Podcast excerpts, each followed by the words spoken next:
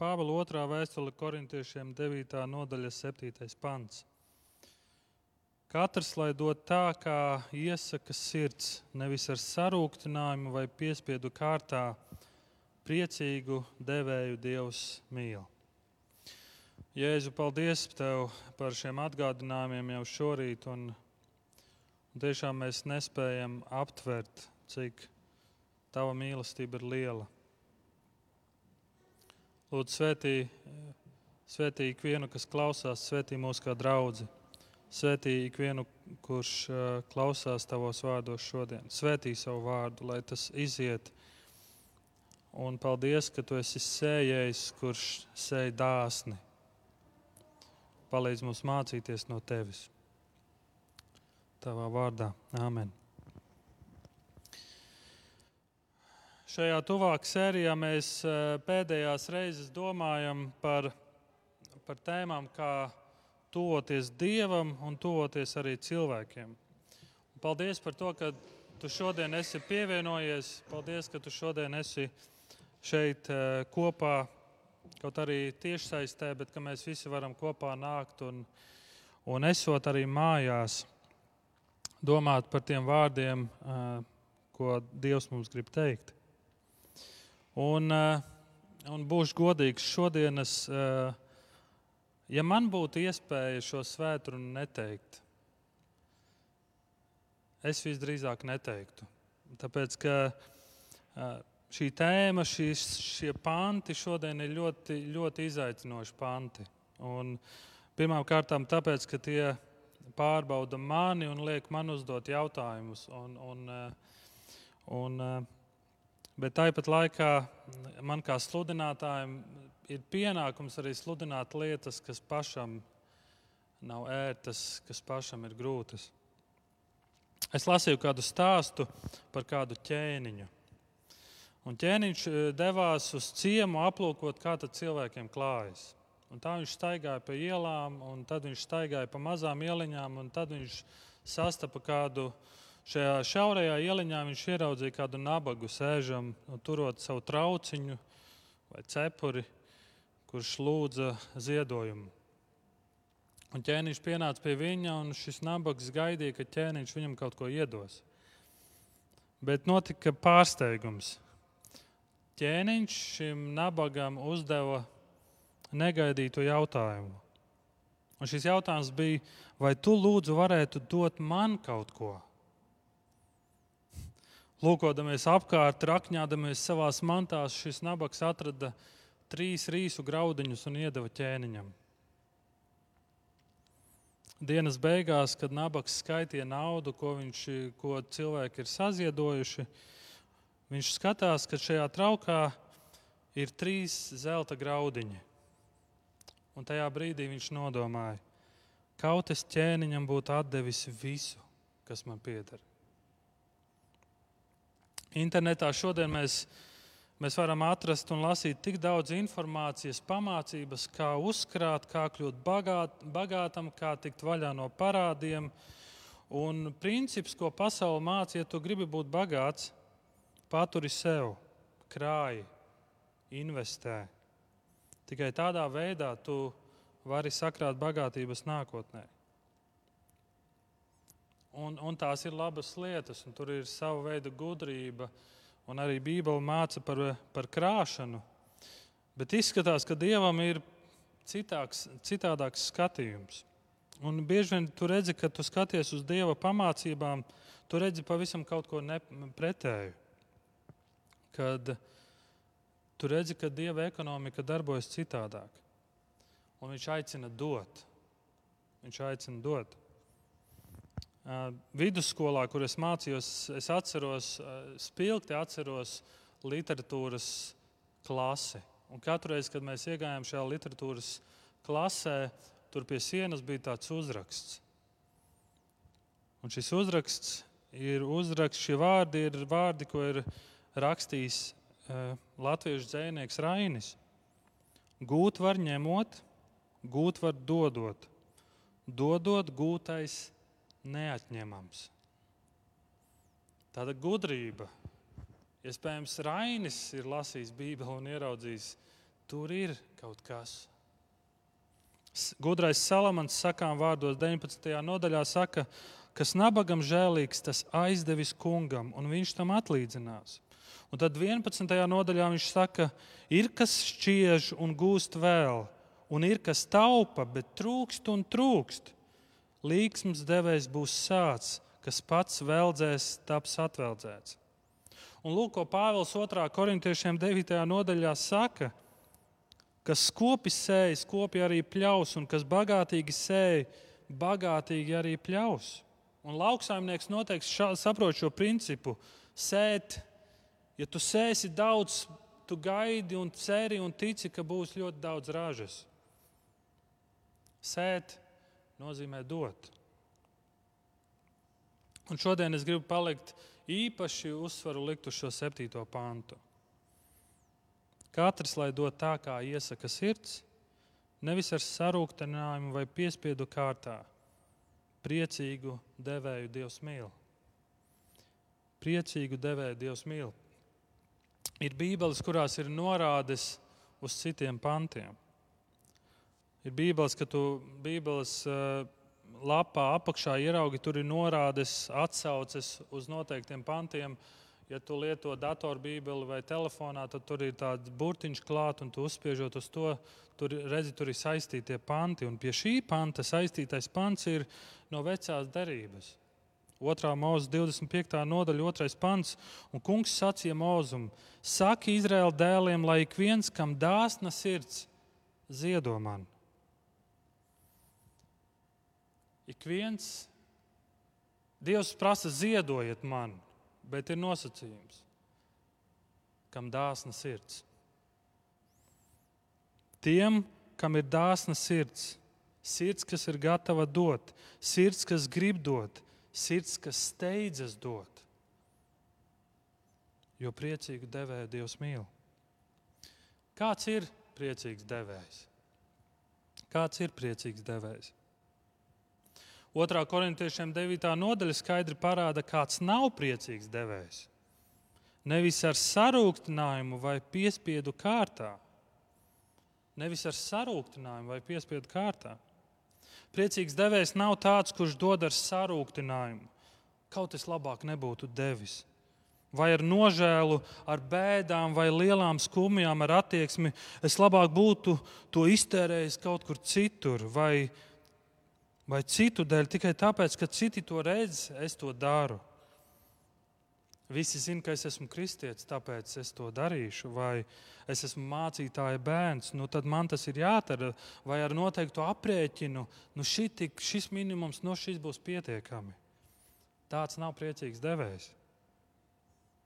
Priecīgs devējs ir tāds, kuram nevajag sludināt gadu no gada, lai tu atceries ziedot, lai tu atceries kalpot. Priecīgs devējs ir tāds, kurš dod, dod ar prieku. Priecīgs devējs dod savu laiku. Ne tā, ka tu atnāc baznīcā svētdienā un pusē aizmidzis sēdi un domā, ka kaut ātrāk beigtos dievkalpojums. Nē, kaut ātrāk es varētu doties mājās un skatīties seriālus. Priecīgs devējs kalpo ar, ar prieku bet nevis ar attieksmi, es izdarīšu savu minimumu. Svētdienas skolotāja jautāja, novadīt svētdienas skolu, nu, izpildīšu savu minimumu un miers. Priecīgs devējs kalpo ar prieku, sludina ar prieku, nevis aiz pienākumu, jo priecīgu devēju Dievs mīl. Dievs mīl priecīgu došanu, Dievs pieņem priecīgu došanu došana bez prieka ir pielūgsme, ko Dievs nespēja pieņemt. Dievs nespēja pieņemt tādu pielūgsmi. Un es domāju, interesanti, kā izmainītos Vīlandes draugi, ja mēs visi būtu šie priecīgie devēji. Ar savu laiku, talantiem, lūgšanām, finansēm, klātbūtni, rokām un prātu, liecību apkārtējiem, sadraudzību, Bībeles studijām, mazajām grupām, kalpošanā ar tīņiem, jauniešiem, svētdienas skolu. Un tad es domāju, kā mainītos Vīlandes draudzē, ja es būtu priecīgs devējs. kā mainītos apkārtējā vide. Priecīgs devējs vienmēr vēlas, kaut viņš spētu dot desmit reizes vairāk. Priecīgs darītājs vēlas, kaut viņam būtu daudz lielāka kapacitāte šo paveikt. Priecīgs sludinātājs vēlas, kaut viņam būtu tūkstots mēlis, un neviena no tām neklusētu. Lūk, ir priecīgs devējs. Kāpēc Dievs mīl priecīgu devēju? Kāpēc Dievs mīl priecīgu devēju? Un pirmkārt, es gribu uzsvērt un, un likt saprast, ka šeit Pāvils runā uz kristiešiem. Šajā kategorijā nav cilvēks, kurš nav kristietis, kurš nav pieņēmis Jēzus labo vēsti, kurš nav pieņēmis Jēzu savā sirdī, bet tomēr ir dāsns devējs. Bet kāpēc Dievs mīl priecīgu devēju? Pirmkārt, jo Viņš radīja pasauli, kas priecīgi dod. Viņš ir radījis pasauli, kas priecīgi dod. Pa, palūkojas visapkārt dabā. Saule, kas dod savu spožumu un siltumu nepārtraukti. Daba, kas zaļo, kas dod augļus, zāle, kuru mēs pēc tam nopļaujam, izmetam. Puķes, kas zied, zaļo, iepriecina Dievu un arī mūsu zeme, kas nepārstāj riņķot, mēnesis, kas atspīd saules gaismu, nepārtraukti dot. Dievs ir radījis pasauli, kas ir priecīga dot. Nepārtraukti. Upes tek, putni dzied, okeāni šalts, saule spīd un, un, un nepārtrauc to darīt. Iedomājies draugu, kurš tevi uzaicina uz ballīti. Tu aizēji un tur, tur redzi ļoti skaisti, viss ir izpušķots, ir bagātīgi klāti galdi, mūzika, viesi dejo, bauda. Un neviens nedomā par to, ka kaut kas varētu pietrūkt. Un par šo draugu mēs varētu teikt, šis ir labs namatēvs. Lūk, šis ir labs saimnieks. Lūk, kā Bībele attēlo Dievu kā labu saimnieku. Radīšanas stāsts ir par labo saimnieku, kurš sagādā visu, lai nekā netrūktu. Viņš ir saimnieks. Bet cilvēks ir viesis šajā pārpilnības un iespēju pasaulē. Nekas šajā pasaulē, kas domā par sevi, izņemot cilvēku izņemot cilvēku. Skatoties uz šodienas pasauli, te redz trūkumu un ciešanas. Es lasīju kādu statistiku, ka vidēji viens miljards cilvēku pasaulē neprot lasīt un rakstīt. Viņam vienkārši nav tādu iespēju, nav pat iespējas uzrakstīt savu vārdu. Vairāk kā viens miljards cilvēku nav, vienam miljardam cilvēku nav pieeja pie tīra ūdens. Un te nav runa par filtrētu ūdeni, bet par tīru krāna ūdeni. 2,5 miljardi cilvēku trūkst minimāli sanitārie apstākļi. Tā ir trešā daļa pasaules iedzīvotāju. Mēs raudam par to, ka elektrības cenas pieaug, bet ceturtajai daļai pasaules cilvēku vispār nav pieejas pie elektrības. Aptuveni divi miljardi cilvēku iztika dienā ir tikai viens eiro. Tikai viens eiro. Un līdz šī dievkalpojuma beigām 200 līdz 300 bērni nomirs no bada.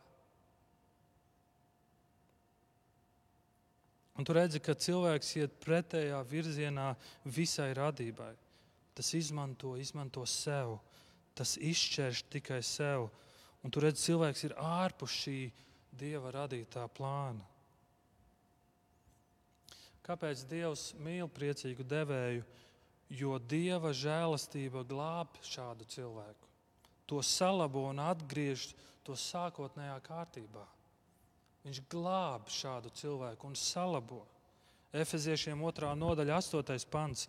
Jo žēlastībā jūs esat izglābti caur ticību, tas nenāk no jums, tā ir Dieva dāvana. Mēs tikko dzirdējām, kāda žēlastība. Un tas viss manis dēļ. Tā ir Dieva dāvana. Dieva žēlastība ir viņa dāvana mums, un Viņš to dod, un Viņš to dod ar vislielāko prieku, ne aiz pienākuma, nevis ar nožēlu, nevis ar sarūktinājumu, nu atkal man jādod, bet aiz prieka. Visa jaunā derība tik daudz un atkārtot runā, ka ne ar mūsu darbiem, ne ar kaut kādu blatu vai tāpēc, ka esam labāki kā citi, bet glābšanu esam saņēmuši, jo Dievs ir apžēlojies par mums. Ja mēs neesam priecīgi devēji, tad mēs kaut ko neesam sapratuši.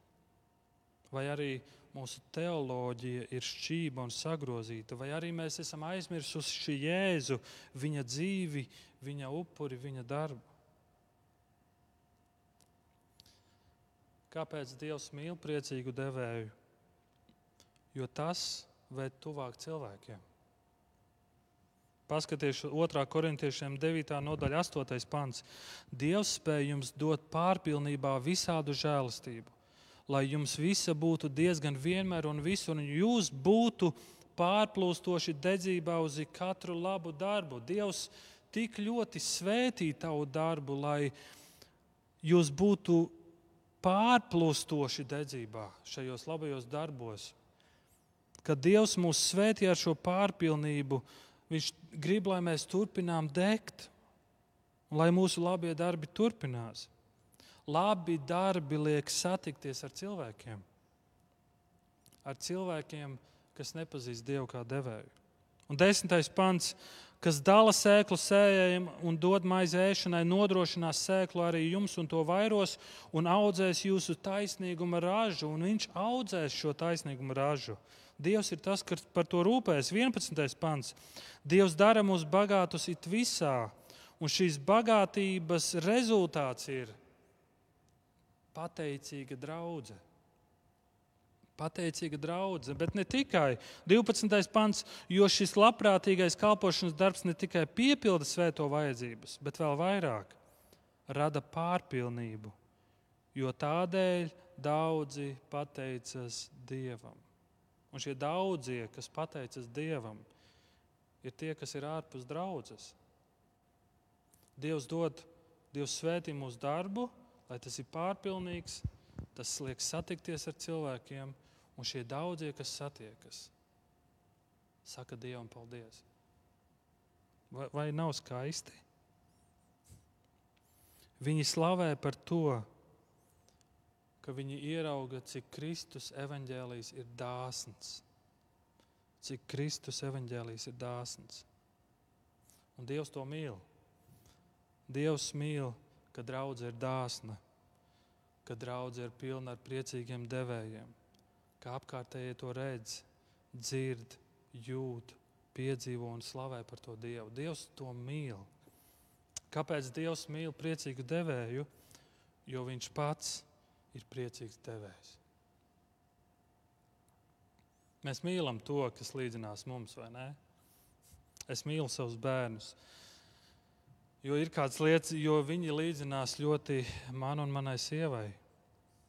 Kā man patīk redzēt, ka manās meitās izpaužas kādas no manām labajām īpašībām. Kā man patīk to redzēt. Vai es spētu atdot savu bērnu? Nē, Un, ja godīgi, es pat negaidu, kad pienāks brīdis, kad sāks dažādi džentlmeņi parādīties pie manām durvīm un jautāt, vai meita ir mājās. Es negaidu to brīdi. Vai es spētu atdot savu bērnu? Daudzi vecāki ir devuši savu bērnu savas valsts dēļ. Bet vai tu būtu spējīgs atdot bērnu sava ienaidnieka dēļ? Jāņa 3.16. Jo Dievs tā pasauli mīlēja, ka deva savu vienpiedzimušo dēlu, lai ik viens, kas viņam tic, nepazustu, bet tam būtu mūžīgā dzīvība.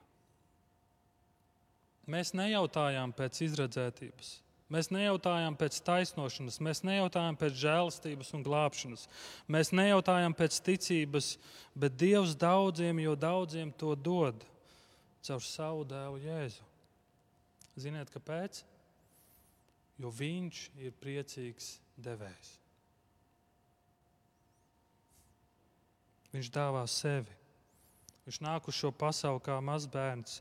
Saimnieks nāk uz savu pasauli un parāda, kāds viņš ir, un sagādā vēl vienu ballīti. Kāzas kānā. Pirmais jēzus brīnums - ūdeni pārvērš vīnā, lai vēl viena ballīte būtu. Pāēdina 5000, pāēdina 4000 un nepārtraukti redzi, viņš ir dāsns devējs. Jēzus dzīvo šo dzīvi, upurējot sevi. Viņš dzīvo ļoti dāsnu dzīvi. Kaut ik viens no jums, kas klausās, bet vēl nepazīst Jēzu, kaut tu spētu ieraudzīt, cik Dievs ir dāsns devējs. Ja tu lūgsi pēc glābšanas, Viņš ar vislielāko prieku tev to, tev to dos. Un darīs tevi pavisam jaunu. Un kad viņš tevi mainīs, viņš darīs tevi par priecīgu devēju.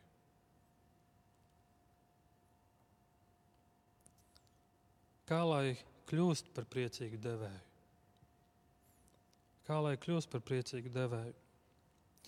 Domājot par šo jautājumu, es gribētu teikt vienu lietu. Dzīvo labākā stāstā. Dzīvo labākā stāstā. Tu man, varēsi, tu man varētu teikt, kāda daļa, kuram stāstam es ticu, kā stāstiem Kā stāstiem vispār ir kāda ietekme uz manu dzīvi? Tu teiksi, ka stāstiem nav spēks. Ja tu esi Facebook lietotājs, tad tu noteikti vari redzēt, cik liels spēks ir stāstiem, kuriem tu notici. Un, ja tu notici, tad, tu, tad mēs tā arī dzīvojam. Un mēs redzam, kādu ietekmi uz mūsu sabiedrību atstāja dažādi stāsti, kuriem mēs ticam. Un tu teiksi, stāstiem nav spēks, tiem ir daudz lielāks spēks. Dzīvo labākā stāstā. Un, kad mēs skatāmies uz Jēzu un mēs skatāmies uz viņa stāstu, uz viņa dzīvi, mēs redzam, ka Jēzus joprojām redzēja šo pasauli, un viņš redz, ka problēma nav resursu trūkums, bet gan tas, kā mēs domājam un redzam sevi, pasauli un Dievu. Problēma nav resursu trūkums. Problēma ir tajā, kādā stāstā tu dzīvo, kuram stāstam tu tici. Un viens no stāstiem, kurā mēs dzīvojam un ticam, un tie ir meli, ir Dievam nevar uzticēties. Tāpēc mēs dzīvojam, un mēs vienmēr sakam, man nepietiek, un tāpēc man pašam jāpārņem kontrole par savu dzīvi. Un tad tu sāk dzīvot dzīvi ar attaisnojumiem, tu attaisno netaisnību, tu attaisno zakšanu, tu attaisno slepkavību, dusmas un nepārtrauktu sajūtu, ka nepietiek, nepietiek, nepietiek. Mūs neveido definīcijas, definētas vīzijas, vai misijas definīcijas vai instrukcijas. Bet tas, kas mūs veido un maina, ir stāsti.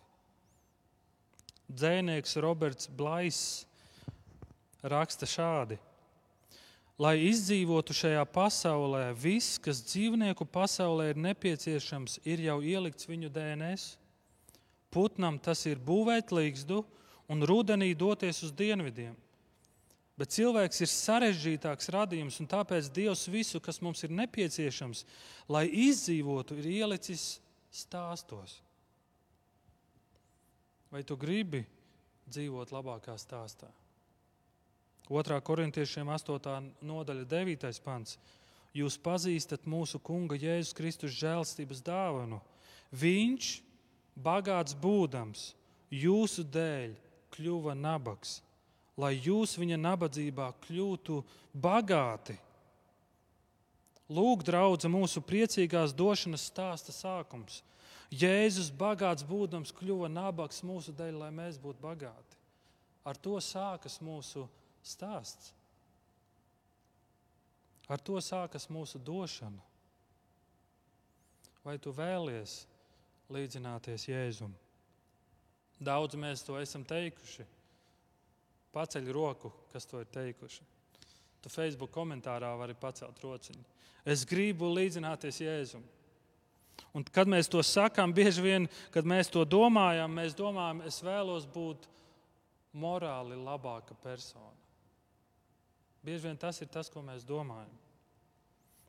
Bet vai tu zini, kāds ir stāsts par Jēzu, kuram tu vēlēsies līdzināties? Viņš bija neprecēts galdnieks. Viņš savu ģimeni nevirzīja pirmajā vietā. Visi viņa sekotāji bija mātes un brāļi, māsas un bērni. Lielākā daļa viņa draugu bija noziedznieki vai dzīvoja grēcīgu dzīvesveidu. Jēzum gandrīz nebija draugu, kurus varētu uzskatīt par reliģioziem.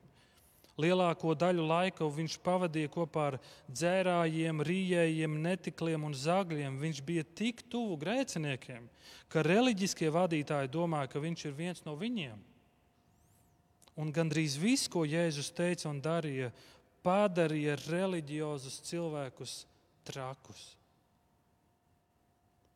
Viena no Jēzus iecienītākajām tēmām bija saistīta ar naudu. Un tas cilvēks tik tiešām satracināja.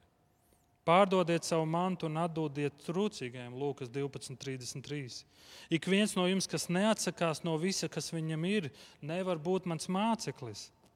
Viņš lika kādam bagātam un morālam vadītājam pārdot visu, kas tev ir, un izdali nabagiem, un tev būs manta debesīs, un nāc un seko man. Savā pirmajā un galvenajā sprediķī Jēzus teica, ka viņš ir svaidīts, lai sludinātu labo vēsti nabagiem. Burtiski nabagiem. Mateja 25. nodaļa, kas ir viena no šausminošākajām Bībeles vietām, Jēzus sīki apraksta sprieduma dienu un savu kritēriju, kurš ir iekšā un kurš nav, kurš tiks un kurš netiks. Un tas ir saistīts ar to, vai jūs un es, vai mēs esam kalpojuši nabadzīgajiem un trūcīgajiem šajā dzīvē. Saskaņā ar Mateja 25. nodaļu, kad mēs stāvēsim Jēzus priekšā, tad mūsu atbildēji nebūtu jābūt par to, kam mēs piekritām. Bet daļa no atbildes, kas mums būtu jāsaka, ir: es kalpoju vismazākajiem no šiem es kalpoju vismazākajiem no šiem. Un tad, kad es šo visu saku, es gribu, lai tu saproti, tas nav par to, cik daudz tu dod.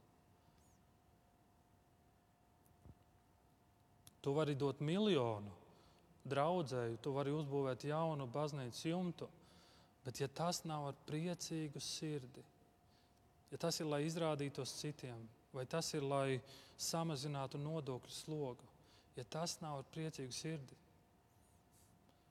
ko tas Dievam nozīmē? Priecīgu devēju Dievs mīl. Tas nav par daudzumu. Misionārs Maikls Frosts, viens no cilvēkiem, kas ļoti mani iedvesmo, viņš saka šādus vārdus. Kristīgajai kustībai ir jābūt dzīvam, elpojošam solījumam sabiedrībai, ka ir iespējams izdzīvot Kristus vērtības. Tas ir būt radikālai, satraucošai alternatīvai impērijas varas nelīdzsvarotībā. Alkatības un patēriņa pasaulē baznīcai vajadzētu būt dāsnuma un nesautības kopienai. Uzņēmēji valsts impērijā, kas ir apņēmusies atstumt nabadzīgos, radot ciešanas tiesību neatņemtajiem, kristiešu kopienai ir jābūt dāsnai pret vainu, ievērojot taisnīgumu un pāri plūstošai ar žēlsirdību. Un pāri plūstošai ar žēlsirdību. Dzīvo labākā stāstā. Stāsts, kuram mēs ticam, ir tas, kas ietekmē, kā mēs dzīvojam. Un otrā korintiešiem 9. nodaļa skaidri pasaka, ka devējs ir Dievs. Viss, kas tev pieder, pieder Dievam. Un tā problēma ir tas, ka mēs sākam teikt, nē, tas ir mans, tas pieder man. Tā mana problēma ir, es bieži vien saku, tas ir mans. Bet pagaidi, Raimond. Bet kā tad ar tiem, kas dod negribīgi, kas dod piespiesti? vai tos Dievs mīl mazāk? Labs jautājums. Šo jautājumu es varētu atstāt mācītājiem Girtam vai mācītājiem Markam atbildēt. Bet tas, ko Bībele rāda, mēs zinām, ka Dievs mīl pasauli noteiktā veidā.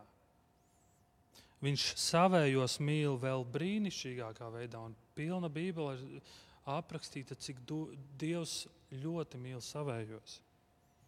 Viņš tos mīl līdz galam, līdz pilnībai. Bet savējo vidū ir daži, pret kuriem viņam vēl ir īpašāka pieķeršanās. Dievs mīl priecīgu devēju. Agapao ir šīs darbības vārds šeit. Tas ir spēcīgākais mīlestības apzīmējums, ko mēs tik bieži svinam kā unikālu dieva mīlestību pret savējiem. Dievam ir īpaša spēcīga pieķeršanās tiem, kas dāsni dod, kas dod ar prieku. Un tāpēc vecajā derībā Dieva tautā Dievs saka, tie, kas ar priecīgu sirdi ir gatavi dot, tie, lai dot, to es pieņemšu. Tāpēc viņš saka, ļauj katram, ļauj katram kristietim iesaistīties. Katrs kristietis ir atvērts šai dieva mīlestībai. Un tāpēc viņš saka, ka varam to piedzīvot. Un kā mēs to varam piedzīvot? Darot. Ja mēs dodam, dari tā, kā savā sirdī esi nolēmis. Taču ir viens veids, kā mēs varam dot dievam ar priecīgu sirdi. Ar priecīgu sirdi, ar apziņu, ka viss pieder viņam un ka viņš par mani parūpēsies. Un ziniet, kas ir gala rezultāts? Un tai būtu jābūt mūsu motivācijai. Tas viss nesīs godu Dievam. Noslēgšu ar apakstuļu darbu 20. nodaļu, 35. pantu ar Jēzus vārdiem. Visās lietās es esmu radī, rādījis jums priekšzīmi, ka šādi nopūloties vajag palīdzēt vājajiem, atceroties kunga Jēzus vārdus, ko viņš sacīs. Svētīgāk ir dot nekā ņemt. Svētīgāk ir dot nekā ņemt. Lai Dievs mums vielens draudz palīdz šajā laikā, īpaši, kad mēs esam mājasēdē un liekas, mēs, mēs, es, mēs tiekam aicināti tuvoties cilvēkiem, bet kā mēs varam tuvoties, ja mēs esam tik ierobežoti? Tāpēc jautājums, par ko es gribu tev likt padomāt, ir, kā tu mājasēdes laikā vari būt šis priecīgais devējs? Vienalga, kur tu atrodies. Es aicinu, nu, Neaizbēdz no šīs tiešraides, neaizbēdz no šī Facebook. Padomā un ieraksti tu savas domas. Kā tu šajā mājasēdes laikā vari būt priecīgs devējs? Un ne tikai uzraksti, bet visas nākamās nedēļas laikā, nākamā mēneša laikā. Mēģini to praktizēt. Un tad, kad mēs atkal būsim atpakaļ, tad mēs varēsim dzirdēt tādas liecības, kā Dievs ir darbojies. Lai Dievs mūs svētī, lūgsim! Jēzus Kristu, paldies par tavu vārdu. Paldies, ka nevienmēr tos ir viegli izteikt, bet paldies, ka tavi vārdi ir patiesība. Un, ja es ļoti lūdzu, piedod, ka mēs esam aizmirsuši tevi, mēs aizmirsuši, ka viss, kas ir mūsu dzīvēs, tas pieder tev. Un piedod, ka mēs esam pazaudējuši prieku došanā atjauno šo prieku mūsu sirdīs, atjauno šo prieku manī. Un palīdz mums, ka mēs varam būt pazīst, draudze, kas ir pazīstama ar priecīgiem devējiem. Un to visu, kad mēs darām, lai mēs dodam godu Tev, Jēzus Kristu. Tavā vārdā to lūdzu. Amen.